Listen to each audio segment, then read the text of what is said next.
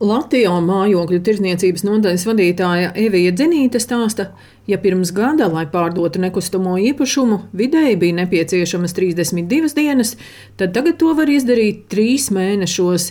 Tas nozīmē, ka piedāvājums šobrīd ir lielāks nekā pieprasījums. Eiribor likmes kāpuma dēļ darījumu skaits visvairāk samazinājies privātmāju sektorā. Privātmāju tirgus šis kritums gan ir gandrīz pa 30%, jo privātmājas, protams, maksā vienkārši dārgāk kā dzīvokļi, un tur vajadzīgs ir lielāks aizņēmums. Ceļoties Eiribor likmēm, mums ir vairāk klienti bijuši, kas vairs šādu summu, kā viņi bija iedomājušies, no bankas nevar saņemt gandrīz 70% darījumu notiek tomēr ar nekustamo īpašumu, kas celts padomi laikos. 50 līdz 70 tūkstoši apmērā. Tie ir lielākoties, protams, sērija vai dzīvokļi ir apmēram 30%, kas iegādājās nekustamo īpašumu izmantojot savus līdzekļus, bet lielākā daļa, protams, iegādājās izmantojot bankas aizdevumu. Mūsu pieredze rāda, ka kādi 70-80% ģimenes, kas iegādājās īpašumu izmantojot kredītu, arī izmanto altumu šo piedāvājumu. Tā kā liela problēma jaunajām ģimenēm un jaunajiem speciālistiem ir sakrāt naudu pirmajai iemaksai par nekustamo īpašumu, valsts izveidojusi mājokļu garantijas programmu. Naudu piešķir Finanšu institūcija Altuma, un tās pārstāve Sandra Eglīte stāsta, ka pieprasījums pēc garantijām svārstās, un šogad tas ir mazāks nekā gadu iepriekš, bet stabils. Mēs redzam svārstības pa mēnešiem.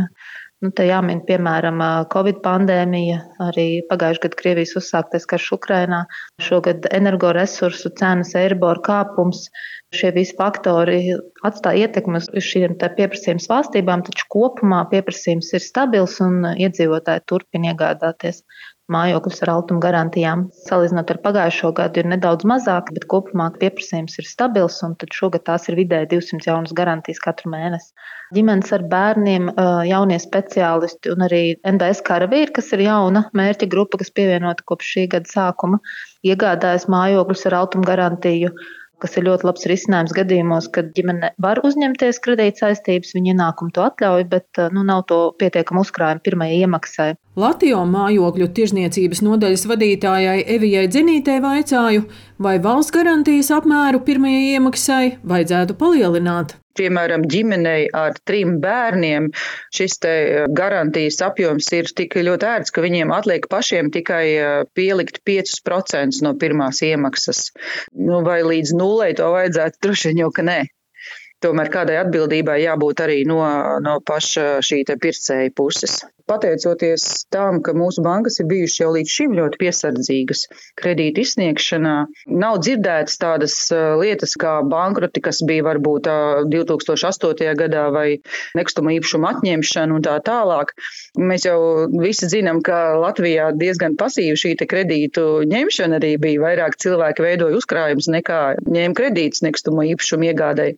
Un, un līdz ar to cilvēki joprojām ir spējīgi šos kredītus atmaksāt. Kaut arī Dažiem ir pieaudzis diezgan lielā apmērā kredītmaksājums. Finanšu nozares asociācijā skaidro, ka pieaudzis to hipotekāro kredītņēmēju skaits, kas vēršas bankās saistībā ar straujo Euriboru likmes pieaugumu, taču klientu interesi ir par procentiem un nav saistīta ar grūtībām sekt savus kredīta maksājumus.